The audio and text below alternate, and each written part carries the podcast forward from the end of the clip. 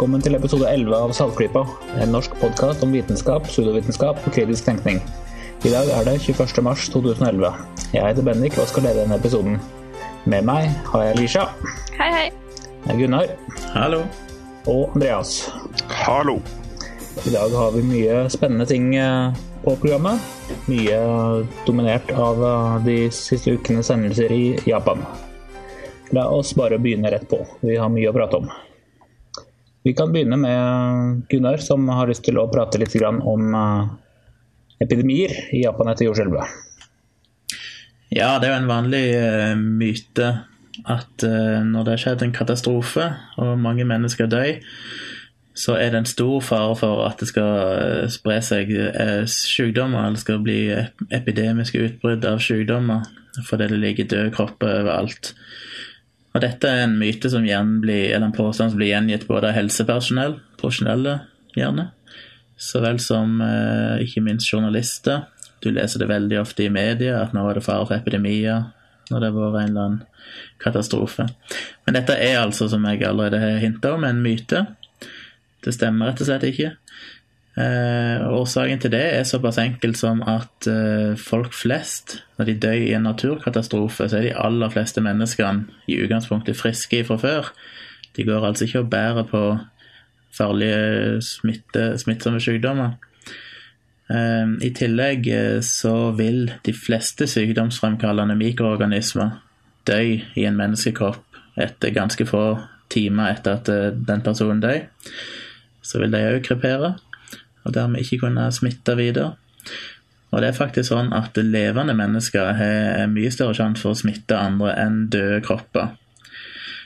Ehm, det som ofte folk blir litt forvirra av, det er jo det at når en, en, en person dør, så starter det jo en nedbrytning av kroppen. Altså kroppen blir nedbrutt og råtner vekk, som skaper vonde lukter, og det i det hele tatt litt grotesk. Men de bakteriene og mikroorganismene som er involvert i den nedbrytingsprosessen, er altså ikke sykdomsfremkallende hos mennesker. Så selv om det ser ekkelt ut og lukter vondt, så er det altså ikke noe en blir syk av. Eh, og ifølge Verdens helseorganisasjon så er det aldri vært dokumentert noe tilfelle der lik fra naturlige katastrofer har vært årsaken til epidemier. Eh, allikevel er det selvfølgelig et par tilfeller der det kan være litt risiko. Det ene er hvis eh, det blir liggende døde kropper i vann. Så kan tarminnhold renne ut, lekke ut, og, skal, og gi eh, mulighet for at du kan få diaré og den type sykdommer hvis du drikker vannet. Nå er ikke det noe veldig stort problem i de fleste tilfeller, for folk pleier som regel å unngå vann som de vet det er leie døde kropper i og det kan veldig enkelt desinfiseres. Men i veldig spesielle tilfeller, hvis det er helt kritisk og det ikke finnes annet vann, så kan jo det bli en situasjon at folk drikker vann med døde kropper i. Det som er farlig med det, er jo at det skaper en sånn eh, feedback, eh, positiv feedback-situasjon der folk drikker vannet, får diaré, så er det ikke gode nok sanitære forhold som gjør at enda mer vann blir infisert av eh, tarmbakterier som igjen flere drikker, og så blir det bare verre og verre. Så det er en situasjon, men det er ikke noe veldig kjent scenario, så jeg har skjønt, og det er ganske lett å unngå. Eh, det andre tilfellet der det kan være en fare, det er jo disse menneskene som faktisk er i direkte kontakt med likene, altså de som eh, jobber med å samle sammen eh, døde kropper. De kan bli, i verste fall, ganske liten risiko, men de kan bli smitta f.eks. tuberkulose, hepatitt B og C, er de veldig uheldige, så kan de bli smitta av hiv eller eh, tarmbakterier. Men eh, alle disse bakteriene, virusene som jeg har nevnt, lever ikke lenger enn maks to dager i kroppen etter at eh, mennesket er dødt, selv om hiv visstnok kan leve i opptil seks dager. Men folk som er involvert i den type aksjoner, oppryddingsarbeid, har som regel god beskyttelse. De har gummistøvler, gummihansker og passer de på å vaske hendene godt, så reduserer de risikoen veldig.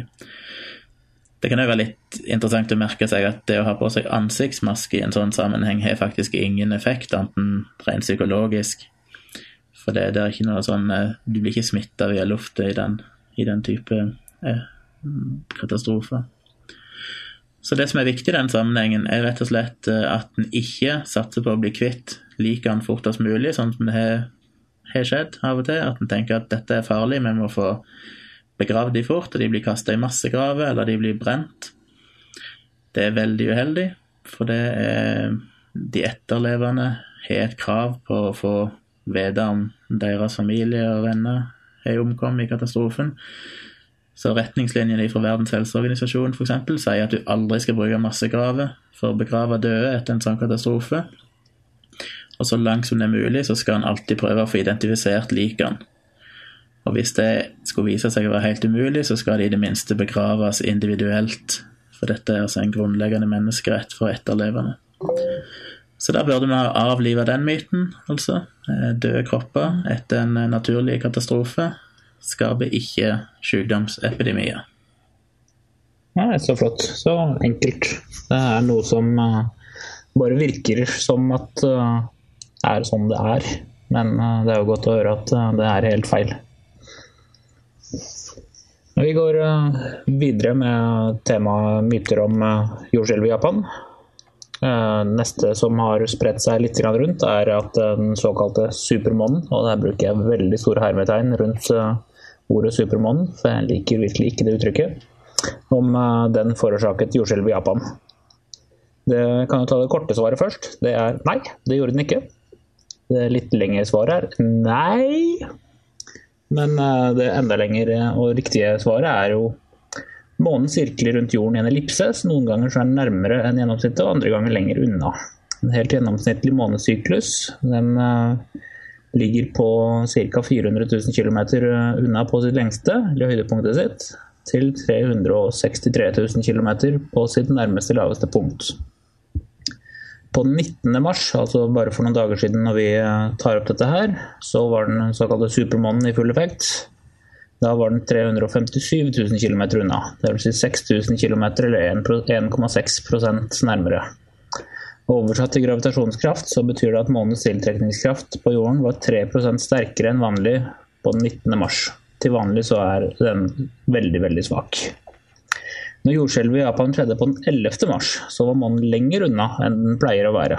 Da var den eh, på et av lavpunktene sine, på 400 000 km unna.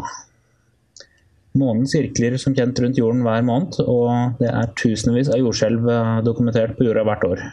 Det gir veldig veldig mye data som vi kan bruke til å samle sammen eh, statistikk om dette her med. Og hvis det hadde vært en trend, så ville vi ha oppdaget den for lenge, lenge siden. Supermånen har en effekt på tidevannet og springfloden, men ikke mer. Ja. Men den var veldig, veldig fin. Det kan ja, du nekte for. Det var den absolutt. Flott å se på. Jeg, synes det er, eh, jeg er helt enig. Jeg syns det er spennende med For Månen påvirker jo jorda. det Vi ser jo at, at, eh, at, tidevannet går eh, opp og ned, flo og fjære. Eh, men det jeg fant ut først nå, når vi nå fikk denne supermånen, var at Fordi månen har en, en, ganske betydelig masse i forhold til jorda. Og den ligger såpass nær oss at, at, den, den gir oss tidevann. Men i tillegg så Fordi tidevannet strekker seg mot uh, retning månen. Um, hvis, du, hvis, du, skulle sett jorda utenfra og sett nøye etter, så ville du sett en stor, svak bulk. da. Uh, to store, svake bulker i havene. En mot månen og en i motsatt retning. Men fordi jorda roterer i samme retning, men mye raskere enn månen, så drar den med seg denne tidevannsbulken litt, så den ligger litt foran månen i rotasjon. Og Den svake bulken som ligger litt foran, eh, utgjør faktisk en, en, betydelig masse. Det er ganske mye vann. Og Siden den ligger litt foran, eh, så vil gravitasjonskreftene mellom jordas eh, tidevann da, og månen kunne brytes ned til en liten kraft som også går vinkelrett på jord-måne-linja. Og Det betyr at denne bulken som ligger litt foran, eh, gir månen litt større fart og bremser ned jordas rotasjon lite grann.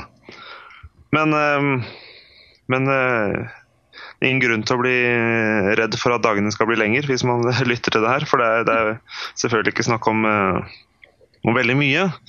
Eh, Riktignok så legger vi til et par ekstrasekunder eh, med jevne mellomrom. Sist var vel i 2008. Og i 2005 la vi til et ekstra sekund i, i tida vår her, her, på jorda. Men, tilfellet er at jorda eh, sakkes ned og månen går litt raskere. Og etter lang lang stund så skulle de da eh, synkes. Dvs. Si at uh, månen står over et fast sted på jorda hele tiden, sånn som Pluto har det f.eks. Men det tar så lang tid å komme dit at innen den tid så har sola fordampet alt vannet på jorda. Det tar ca. 2,1 milliarder år. Og deretter så vokser jo jorda, nei, vokser sola og blir til en rød kjempe. 4,7 eh, milliarder år. Og da sluker den kanskje både jorda og månen. Så det skjer noe. Jorda sakkes litt ned, men det har ingenting med supermåne, for den sakkes ned eh, kontinuerlig. Men det er eh, likevel spennende, syns jeg, da. Ble det, ble, det, ble det, for heavy fra en fysiker? Nei, det her er helt det er der.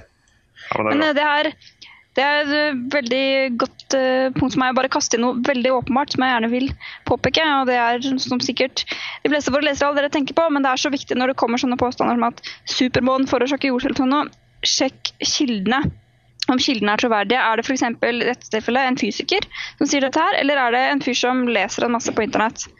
Eh, for uh, det oppstår veldig mange rare sammentreff som vi kan oppkonstruere til nesten hva vi vil. Du finner det du leter etter. Og så husker man selvfølgelig det uvanlige og det som bekrefter det man på forhånd ønsker å tro. F.eks. hvor mange jordskjelv har det ikke vært uten at det var noe supermåne eller noe annet eller mystisk himmelfenomen.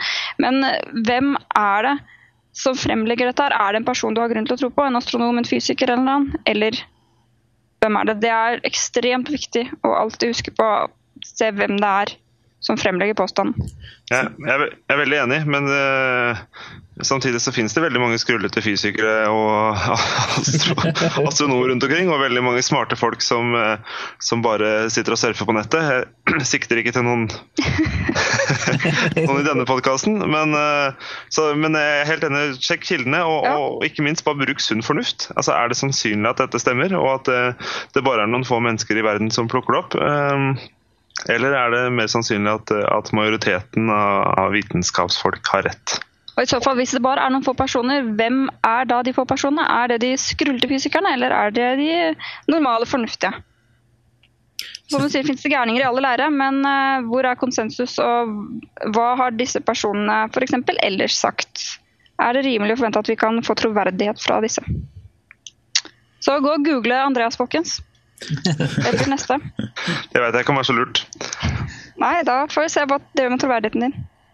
Som uh, Apropos måne og supermåne, så er jeg også Jeg har lyst til å nevne det at supermånen gjorde jo at uh, månen ble litt større på nattehimmelen. Ikke mye, egentlig bare et par prosent. Og nesten ikke så veldig merkbart hvis du ikke har noe å sammenligne med ellers. Det som eh, derimot skjer, som man eh, veldig lett kan sjekke, er at når månen er nær horisonten, så ser den mye mye større ut enn hvis den er høyt oppe, høyt oppe på himmelen. Da vil vi bare få fortalt med en gang at det er en ren optisk illusjon som eh, hjernen din står for. Størrelsen på månen endrer seg ikke avhengig av hvor på himmelen den står. Den eh, ser større ut når den er lenger nede, fordi da har vi ting å sammenligne med. Eller si hustak eller trær eh, sånt, som er innenfor synsfeltet samtidig. Og du kan eh, lett sjekke det ved å f.eks. blokke ut disse tingene fra synsfeltet ditt. Eller min favorittmetode. Hvis du snur deg opp ned og ser på månen mellom beina dine, sånn at du får den opp ned, så takler ikke hjernen eh, din å se eh, horisonten, eh, kall det opp. Og da faller hele effekten bort, og den vil være den riktige størrelsen sin igjen. Har du gjort det her, Bendik? Jeg får, jeg får bilder i hodet her. jeg kan bekrefte at det har jeg prøvd. Nå vil jeg bare poengtere at den er ikke bare et par prosent større, men det er faktisk 12% større og 30 eh, mer lyssterk når det er supermoon. Så det er jo det er litt Det spørs, spørs hva du sammenligner med. Om du sammenligner uh, sist, sist fullmåne eller, eller for uh, eh, 16 år siden, eller hva det er. Det er stor forskjell i forhold til når månen er på, det, på sitt minste da, for, for, mange år siden, og veldig liten forskjell fra forrige fullmåne. Ja. ja. Det er riktig. Og for å holde oss eh, på temaet Japan, så har, har, jo nå hele verden blitt grepet av en uh, viss panikk om uh, stråling. Andreas, du kan mer om dette her. Ja, jeg kan ikke veldig mye, men jeg, jeg fant en morsom uh, illustrasjon som jeg syns vi skal dele i, i, notatene til denne episoden. fra det som jeg tipper for våre lyttere, lyttere av Saltklypa, kjent nettsted som heter eh, XKCD, med, hvor de pleier å ha eh, ja, litt nerdete og artige tegneseriestriper. De har lagd en fin oversikt som jeg ikke kjenner helt eh, riktigheten av, men det, det virker, ikke, virker, ikke, som helt på jorda, og det virker som de har gjort et godt arbeid. Men der sammenligner de stråledoser i Japan med forskjellige ting. Både dødelige doser og daglige, vanlige doser. Og, og strålingen måles, måler man ofte i Sivert. Jeg liker det navnet på den uh, målenheten der. Ja, Veldig koselig. veldig koselig. For eksempel um, så vil det å spise en banan, en banan det tilsvarer 0,1 mikrosivert. mikrosievert. Um, det sier kanskje ikke folk så veldig mye, men det er, da, det er da ikke så fryktelig mye. Eh, men spiser du en banan, så blir du utsatt for litt stråling. Det samme gjør det hvis du sover eh, ved siden av en annen person, eller hvis du tar eh, eh røntgenbilde av armen din, så får du én mikrosivert. Hvis vi går opp i litt i strålingsdose og sammenligner med, med, Japan her, da, så vil det å være på eh, Fukushima eh, F.eks. de har tatt utgangspunkt i 16. mars eller 17. mars. Da vil du få i deg eh, rundt 3,6 millisievert. Og det tilsvarer eh, ja, det er to tredjedeler av det du får hvis du tar røntgenbilde av brystet ditt, altså lungene osv. Det er litt mer enn å ta eh, mammografi. Dvs. Si å skvise puppene mellom to metallplater på sykehuset. Ikke at jeg vet helt kjenner så godt til det, jeg har ikke gjort det. Men øh, det er naturlige ting man kan sammenligne med. Så det er klart at det, det tilsvarer det vi får av bakgrunnsstråling i løpet av et helt år, kan man få i løpet av én dag på, på, ved disse reaktorene. Men, eh, men, det er ikke Da måtte man altså være der inne, da? Ja, nei, ikke, altså, det er ikke inne. Du må være inn, innenfor en radius av, ja. av, fem mil eller noe sånt. Så du må være i Fukushima-området. I byen, da. Da vil du få eh, omtrent tilsvarende dose som det eh, dere tre andre og jeg og alle som lytter til dette, får av bakgrunnsstråling i løpet av eh, et år. Jeg syns eh, Sivert er en veldig sånn, fin målenhet, for det er så lett å huske at én Sivert mm. er vel den uh, strålemengden som uh, for det meste skal at Da vil du liksom bli sjuk, men du vil som regel kunne bli helt frisk igjen. Ja. Men, det, men, det, er liksom en greie sånn én Sivert, det er den dosen som Da, er det da det begynner å bli farlig. Veldig lett å huske på. Mm. Ja. Så det, vi legger ut link, folk kan sjekke ut dette selv. Det er veldig mange fine ting å sammenligne det med.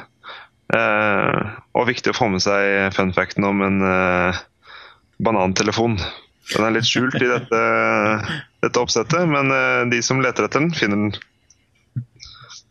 Saltklypa.no kommer det til å legges ut på. da. Ja, vi legger ut en link til den. Så det er da heller eh, i hvert fall ikke nødvendig å være bekymret her i Norge for uh, strålingen som kunne komme der. Faktisk vil jeg påstå at med mindre man bor i kraftverket der nede, så behøver man ikke bekymre seg i det hele tatt. Og da er det i hvert fall ikke nødvendig å prøve å behøve å gå og kjøpe piller for å kvitte seg med strålingen som kommer. Nei, og husk at stråling er overalt hele tiden fra alle slags steder. Du kan ikke unnslippe stråling. Så hvis noen kommer og sier at strålingen er farlig, du må øh, sikre deg mot stråling, det er helt umulig, og det er ikke nødvendig heller. Og stråling er ikke nødvendigvis stråling i denne sammenhengen. Hvis noen sier at strålingsnivået er ditt eller datt, så trenger ikke det ha noe som helst med atomkraft å gjøre overhodet. Stråling den er overalt, og det gjør ingenting. Under normale forhold. Riktig. Vi uh, går videre. Denne helgen så har vi vært så heldige at vi har hatt uh, den kjente skeptikeren James Randy i det, Oslo. Kan det ha sammenheng med, med månen å gjøre? Supermånen? Ja, det tror jeg absolutt. Jeg tenker det er supermåne, og så kommer det en mann med ganske stor supermåne. Som er ikke så mye igjen på toppen. Dette kan jo ikke være tilfeldighet. Nei. Det her er nok det. absolutt ikke en tilfeldighet. Tilfeldighet finnes ikke. Det er jeg sikker på.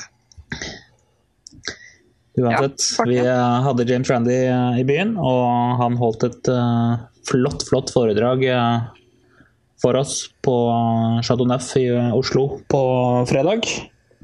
Kan jo nevne at eh, det var plass til 1000 personer i salen, og ryktet går om at så mange som 1000, eller kanskje til og med 1500 personer måtte eh, gå, fordi det var ikke plass der.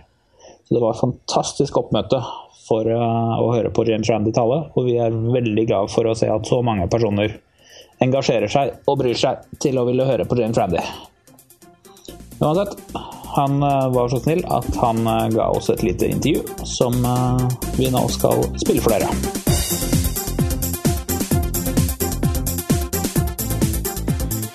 Ja, vi sitter her på Den gode kafé med James Randy og har fått gleden av å snakke litt med han i dag. Eh, han er kjent for mange ting, så da begynner vi med en av de.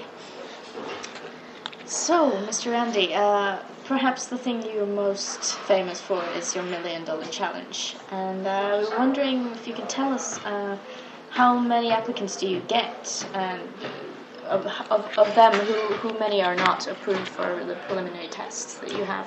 Well, you'd think that would be a simple answer, that it would be a number. But it's not that easy to answer, surprisingly enough.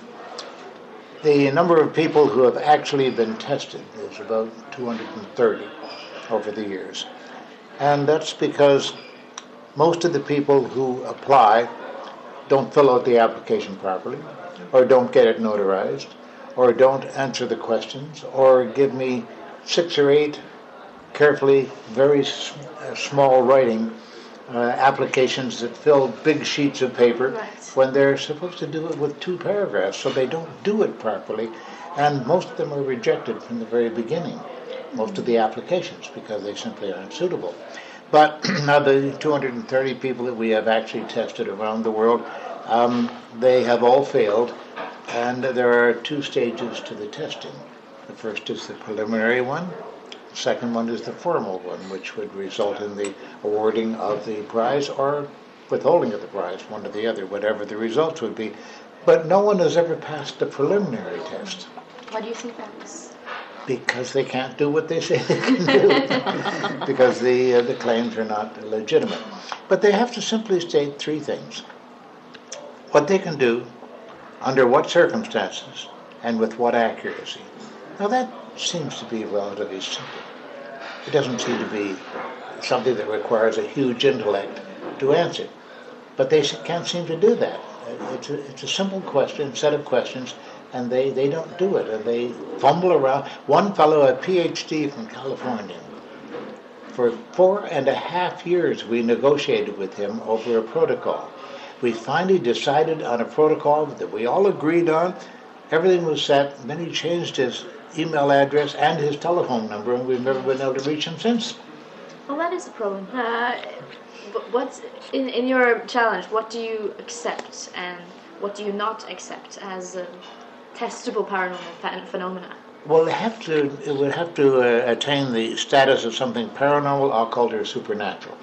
Now, people often say, "Well, what about homeopathy? Then you accept challenges of?" But if homeopathy worked, it would be paranormal because it would be curing with a zero dose of the medication, and that would be paranormal. That that would, be something supernatural that has no explanation in science, and therefore, by definition, paranormal. So we do accept that kind of challenge too.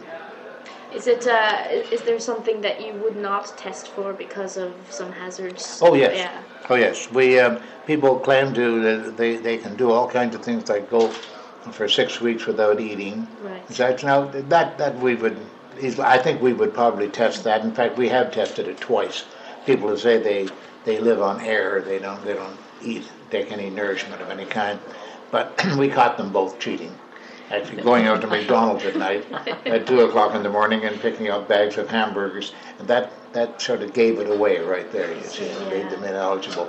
But we don't uh, accept any claims where people say they can breathe poison gas or uh, something like that. Jump Uh, out of skyscraper uh, yes, Yeah. exactly. As a matter of fact, some years ago, when we where I, I did a program called the the Million Dollar Challenge. Uh, one gentleman showed up, and uh, we were on the, the third floor of this broadcasting building, and had a little office they gave to us there to interview them. The fellow said that he could fly just by flapping his arms. And uh, I said, that's highly doubtful. And he said, oh, I'll show you. And he stepped to the window, and we actually had to pull him away from the window. And he told me afterwards, he said, I had never tried. He said, but I have faith. And when you have faith, you can do anything. And I said, well, go and do it somewhere else. And don't do it here. I mean, he could have jumped off the sofa or something like that, you see. And I, I could have found out whether he could fly by flapping his arms. But he wanted to go out of a third story window. Well, that's that's certainly uh, something you have to, to look out for, I guess. Yes. Yeah, and uh, recently, has there been any memorable applications that you have faced? Well, frankly, I must tell you that I'm trying to finish my 10th book, A Magician in the Laboratory. And uh, the, the management of the, of the James Randi Educational Foundation has told me to stay away from this. And they've got uh, Banachek, my good friend Steve uh, Shaw, uh, handling all of the, uh, the challenges. And he's finding it challenging to handle the challenges, to say the least. The poor man took on the job and he had no idea of how difficult it was going to be. He's driven insane by these people. As I said earlier, uh, you know, we asked them for two paragraphs to describe uh, what they can do under what circumstances with what accuracy, and they will literally fill a whole pad of paper on both sides in tiny, tiny handwriting, writing in the margins and on the outside of the envelope that they mail it in. It's incredible. These people are obsessed with getting information across. And they won't stop. They want to give the whole history of their lives and what happened to their sister, uh, you know, when she was three years of age. I don't want to know that. It's, it's ridiculous how, how difficult it is to, to get them to do these things. So you uh, you mentioned your new book, uh, Yes. A Magician in the Laboratory. Yes. Why do we need a book about magicians in the laboratory? Because I want to um, show that that I have been around the world a, a few times, and that I have visited many uh, scientific la- laboratories under various conditions uh, over the years, and I have found that um, the so-called parapsychologists are doing it all wrong. Now, I'm not a scientist. I didn't graduate from uh, from high school even. I have not been to college, although I've lectured at major colleges and universities around the world with a certain amount of distinction. And uh, so I can't take on any expertise of that kind. But when I visit these laboratories, I see that they they design a protocol and then they completely ignore the protocol in order to make things more interesting. And uh, with Uri Geller, for example, now when they supposedly tested him at the Stanford Research Institute, first of all, they tested him after hours. Uh, they tested him in the middle of the night when there was nobody else around, and he could get away with anything he wanted to. It was so easy. And he had all of his Confederates around him to run errands for him if he needed them to help in some way or another. And when we analyzed the results, they were badly reported. They were incorrectly reported. They said the room was completely shielded. No, it wasn't at all. It had holes in the walls and other things like that. It was just totally incompetent. But the scientists were convinced they had a phenomenon there. And you don't, if you're working in science, certainly you don't become convinced of your conclusions that you're trying to arrive at. You have to go into it saying, I don't know, I want to find out. And they did not adopt that attitude at all. So these people have, have behaved themselves very irresponsibly. Do you uh, do you have any idea when the book is going to be coming out? Uh, let me see, what year is it? Uh, well, it, it, it should really be out by the end of this present year, 2011. Um, I have uh, 23 chapters uh, in the book. Uh, it's it's going to run on, and it may be ending up in three volumes. I'm not sure, but it's rather extensive, and uh, I've got uh, 12 chapters currently finished. Good, good. Edit. Um, was there anything in specific that inspired you to write this book? Well, yes, I, I just accumulated notes and uh, and recordings, uh, a lot of, uh, of sound recordings, of course, and video recordings as well, uh, over the years. And I saw the collection there, and I thought this this has to be resolved down into a book. So it was um, really just necessary for me to go into my computer background and all the records that I had kept electronically and sort them out. Now that's a difficult job because I, there's just so much information to sort out. But uh, I'm, I'm managing it. It's coming along nicely, and I'm very satisfied with the results. That kind of gives us a nice segue into the next question. Uh, we wanted to ask you about the new media, about internet and um, computers. Uh, in, in many ways, it's very good for the skeptical community. We have, you know, podcasts and blogs and, and all new sources of information. But at the same time, so do our opponents. Um, so do you think that the internet is a, mostly a source of misinformation or Equally, sort of equally, equally. yes. Uh, it's like any source of information. Uh, when Gutenberg first came along with the printing process, I'm sure he discovered that very quickly too. That misinformation and nonsense can be published at the same rate as the opposite. And uh, we're finding that we have to be very, very discriminating. Uh, and the media, generally speaking, is not all that discriminating. Should be much more uh, sensitive about what it accepts and, uh, and doesn't accept.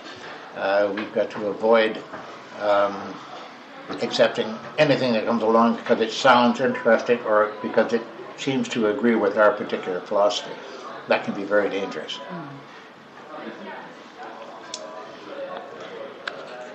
Are there any uh, supernatural claims that you kind of wish could be true? Oh yes, yes. I um, I, I think that um, the way the computer industry is going now and artificial intelligence and such, you have to be very careful to what you're going to reject. I tend not to reject these claims, I, but I, I do want to take a look at them. I have to examine them carefully, of course, and we would be ridiculous uh, if we accepted everything new that came along. But I'm astonished at the, the technology and the, the rate at which it's going. We are on an exponential curve right now. And an exponential curve has a very steep rate of increase as you get later into the into the process. And we are on the upside of that exponential curve. I, I'm, I'm concerned about that, but at the same time, I'm also excited about it. Let's go uh, a bit way back uh, to your youth. What inspired you to become a magician in the first place? Starvation. no, uh, uh, no. To be quite honest with you, I um, well, very briefly. I don't want to get into all the details, but I was a child prodigy. I didn't attend grade school at all in Canada. I was given a special pass because I was way ahead of my classmates, and I pretty well self-educated myself uh, in the Royal Ontario Museum and the Toronto Public Library, where I got to be very well known as a kid who wandered around in the stacks and the books in the back and had a special permit for it. And um, it, uh, it, it crippled me to a certain extent, however, because I didn't have a peer group. I didn't grow up with children of my own age. I, I, I grew up associating with people uh, five to six years older than I. Uh, the only people I could relate to. So it was an unfortunate period of, uh, of my life. But along the way, I, I got a certain amount of freedom because I was able to, uh, during school hours, I could wander any place I wanted to. And um, I went to a theater one afternoon. I had never seen a magician before. I saw Harry Blackstone, one of the very famous magicians of America, uh, a legendary character. And he made a woman float in the air. And he stood there and he said, Ladies and gentlemen, you see this young lady suspended between heaven and earth. I could keep her there, should I so desire, indefinitely. But in the interest of time and of your patience, I will now cause her to descend to the couch from which she rose only a few moments ago. And he waved his hands and she floated back down to the couch and stood up from the couch, took the bows, and walked off stage. And I was petrified. I had no idea how this had been done. I was totally captivated by it. And um, rather than becoming a, an organic chemist, I, I, that's what I wanted to study at that moment in my life. Um, I decided that maybe I should pursue something in this direction. And I joined the local magic club, and the rest is history. And I, I never recovered from that, and I became a professional magician. so, your uh, experience with magic has given you a knowledge of a whole lot of magic tricks, I presume. Oh yes, yes. Uh, do you miss the sense of wonder of being able to go to a magic show and uh, be fooled? Well, it's rather difficult to fool me now, because, uh, and I, I say this quite seriously, uh, magicians um, can literally travel anywhere in the world and run into a street magician, for example, who's performing in the public, and um, we have a little little sign that we give them. If we uh, bring the finger up beside the nose like that, as in The Sting, the movie The Sting that made it very famous, the magician, noting this, will simply nod assent and know that I'll go along with it, uh, that I'll cooperate and help in any way that I that I can. Um, we recognize how the tricks are done because there are only a certain limited number of basic sleights of, of hand and, and various uh, subterfuges that can be carried out, and we pretty well know them once we're inside the profession rather than just amateurs. Um, so we, we see a magic uh, performance from a different point of view altogether from the spectator. As a matter of fact, I, uh, when uh, David Copperfield would come to town, I, I used to get um, passes sent to me automatically in the mail so I could go and attend, and he'd sit me in the front row. And uh, so that I could be introduced from the audience, you see. And um, I would always move back four or five rows so I had a better view because I was looking straight up into his nose, and I didn't want to have that point of view. But uh, if I brought a, a fellow magician along, we would often nudge one another at a perfectly innocuous part of the performance because we had seen the moment of truth. The magician might merely have uh, rested his hand in his pocket for, for a moment while gesturing, and that could be the moment of truth. You see, that could be when the trick actually took place. But we expressed great admiration just by a nudge, like that. Oh, that was good, kind of thing. And people look at it and say, "What? What was good? He didn't do anything." well, yes, he did. so um, we have a different point of view on it altogether. I'm sure that dentists do the same thing, and jugglers do the same thing, and uh, people in various uh, professions uh, do exactly that. Do people in general want to be fooled in basically all aspects of life, not just magic? Or do we want to not be fooled? Well, some people do prefer to be fooled because they, they like a, a life of fantasy and they like to believe fantasies. They, they want a little more excitement in their lives. I, I guess I had never been of that type. I want to know the, the, the, the rock bottom truth. I want to know where my feet are on the ground. And uh, that's why I've never been involved in psychedelics of any kind. I've never been drunk in my life because I would consider that a great weakness to um, to lose touch with the real world. As a magician, I have to have my feet firmly on the ground, and, I, and as I think, I think as a human being, I naturally have to have uh, a, a life based in reality. I have to know what's really going on, not what I would like to have going on. Penn and Teller have said that uh, in the entire world there are, I think, five people who know how to do their double bullet catch trick. Are you one of those five people? Well, it so happens that I am, yes. because the man who developed that trick is actually Banachek, Steve Shaw, who is the man who is handling the challenge for us now at the James Randi Educational Foundation. He uh, developed that trick originally, and he, he literally gave it to Penn and Teller. They insisted on paying him for it, but it was a uh, they, they took it over, and when they took it over, they did wonders with it. And even Banachek was astonished to see what they did with the basic principle of it. And uh, of course, they turned it into a double act where they catch each other's bullets. Uh, but that's typically Penn and Teller. They will always improve and, and enlarge on any basic magic effect, and uh, they do a magnificent job of it. I uh, I sit there and watch the show, and I've seen them so many times. I, I literally look away at a certain point when the moment of truth arrives. I, it, it's strange. It's strange for me to say that. I, uh, I've never told anybody this. Matter of fact, I do look away at that moment. I don't want to know because I know already, and uh, I just, I, it's a strange attitude I have. Uh, but I think most magicians do that. I've seen magicians uh, blink and, and turn their head just for a second while the moment of truth in a card trick takes place. As a matter of fact, it's a strange um, psychological quirk we have.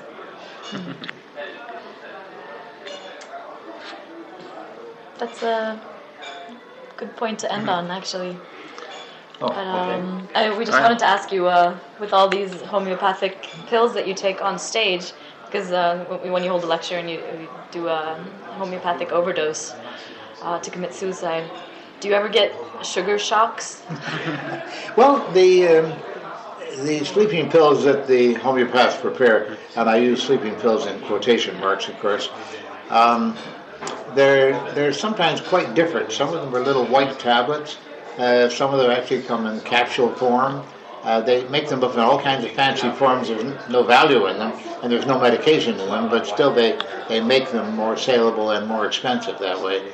And uh, the ones I took last night, for example, uh, they're just little balls of, uh, of sugar. I don't know what kind of sugar. It tasted quite sweet, so it might be regular sucrose. I'm not sure, but I, I, I don't get much of a sugar drive uh, from it. But it's quite a mouthful. Quite a mouthful. There are quite a few hundred pills there, and I feel very well today. I'm not even the least bit sleepy. That's wonderful. Do the homeopaths uh, accuse you of using your sleight of hand tricks to hide the pills instead of uh, They- actually eating them? Oh yes, they of course, of course they do. That's why I had a, a registered doctor, uh, a tenured and and uh, fully qualified doctor on stage who bought the pills in the pharmacy and put them into my hand. I transferred them directly into my mouth, and he saw them in my mouth, and I think the audience could hear them being crunched up too. it was a little dramatic, perhaps, but uh, hey, I'm all for drama.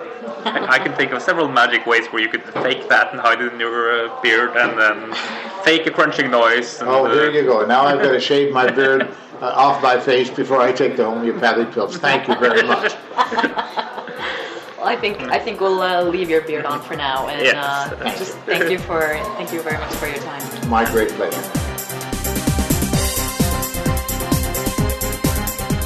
Og hvis du ikke fikk eh, gleden av å oppleve James Randy, enten i Oslo, Bergen eller Trondheim, så skal det komme en, eh, et opptak av eh, foredraget hans i Trondheim som alle kan se på.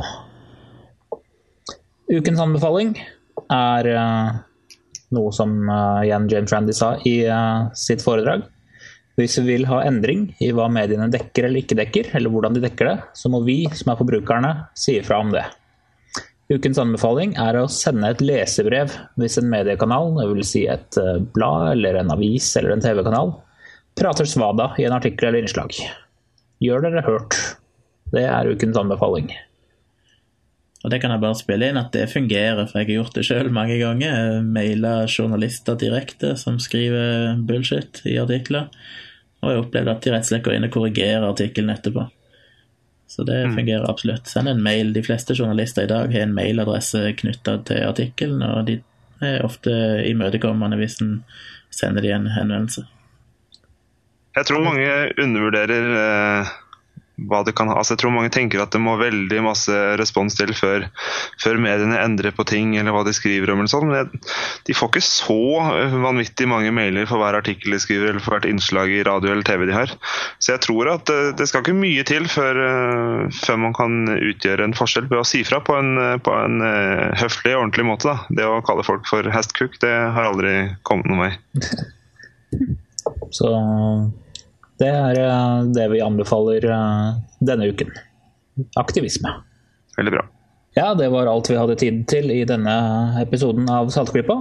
Da gjenstår det bare at eh, vi sier takk for oss, og ha det gøy alle sammen. Ha det bra.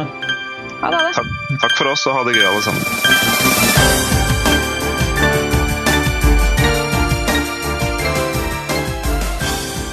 Saltklypa er en norsk podkast som satser fra vitenskap og supervitenskap i samfunnet med et kritisk blikk. Podkasten produseres og drives på frivillig basis av seks personer, helt uavhengig av noen organisasjon. Vi vil gjerne høre fra deg. Hvis du har spørsmål eller kommentarer til dette eller andre avsnitt, kan du sende oss en mail, legge en talebeskjed på Skype eller skrive en kommentar på vår nettside. Informasjon om dette, samt linker og notater til det vi har snakket om, finner du på saltklypa.no.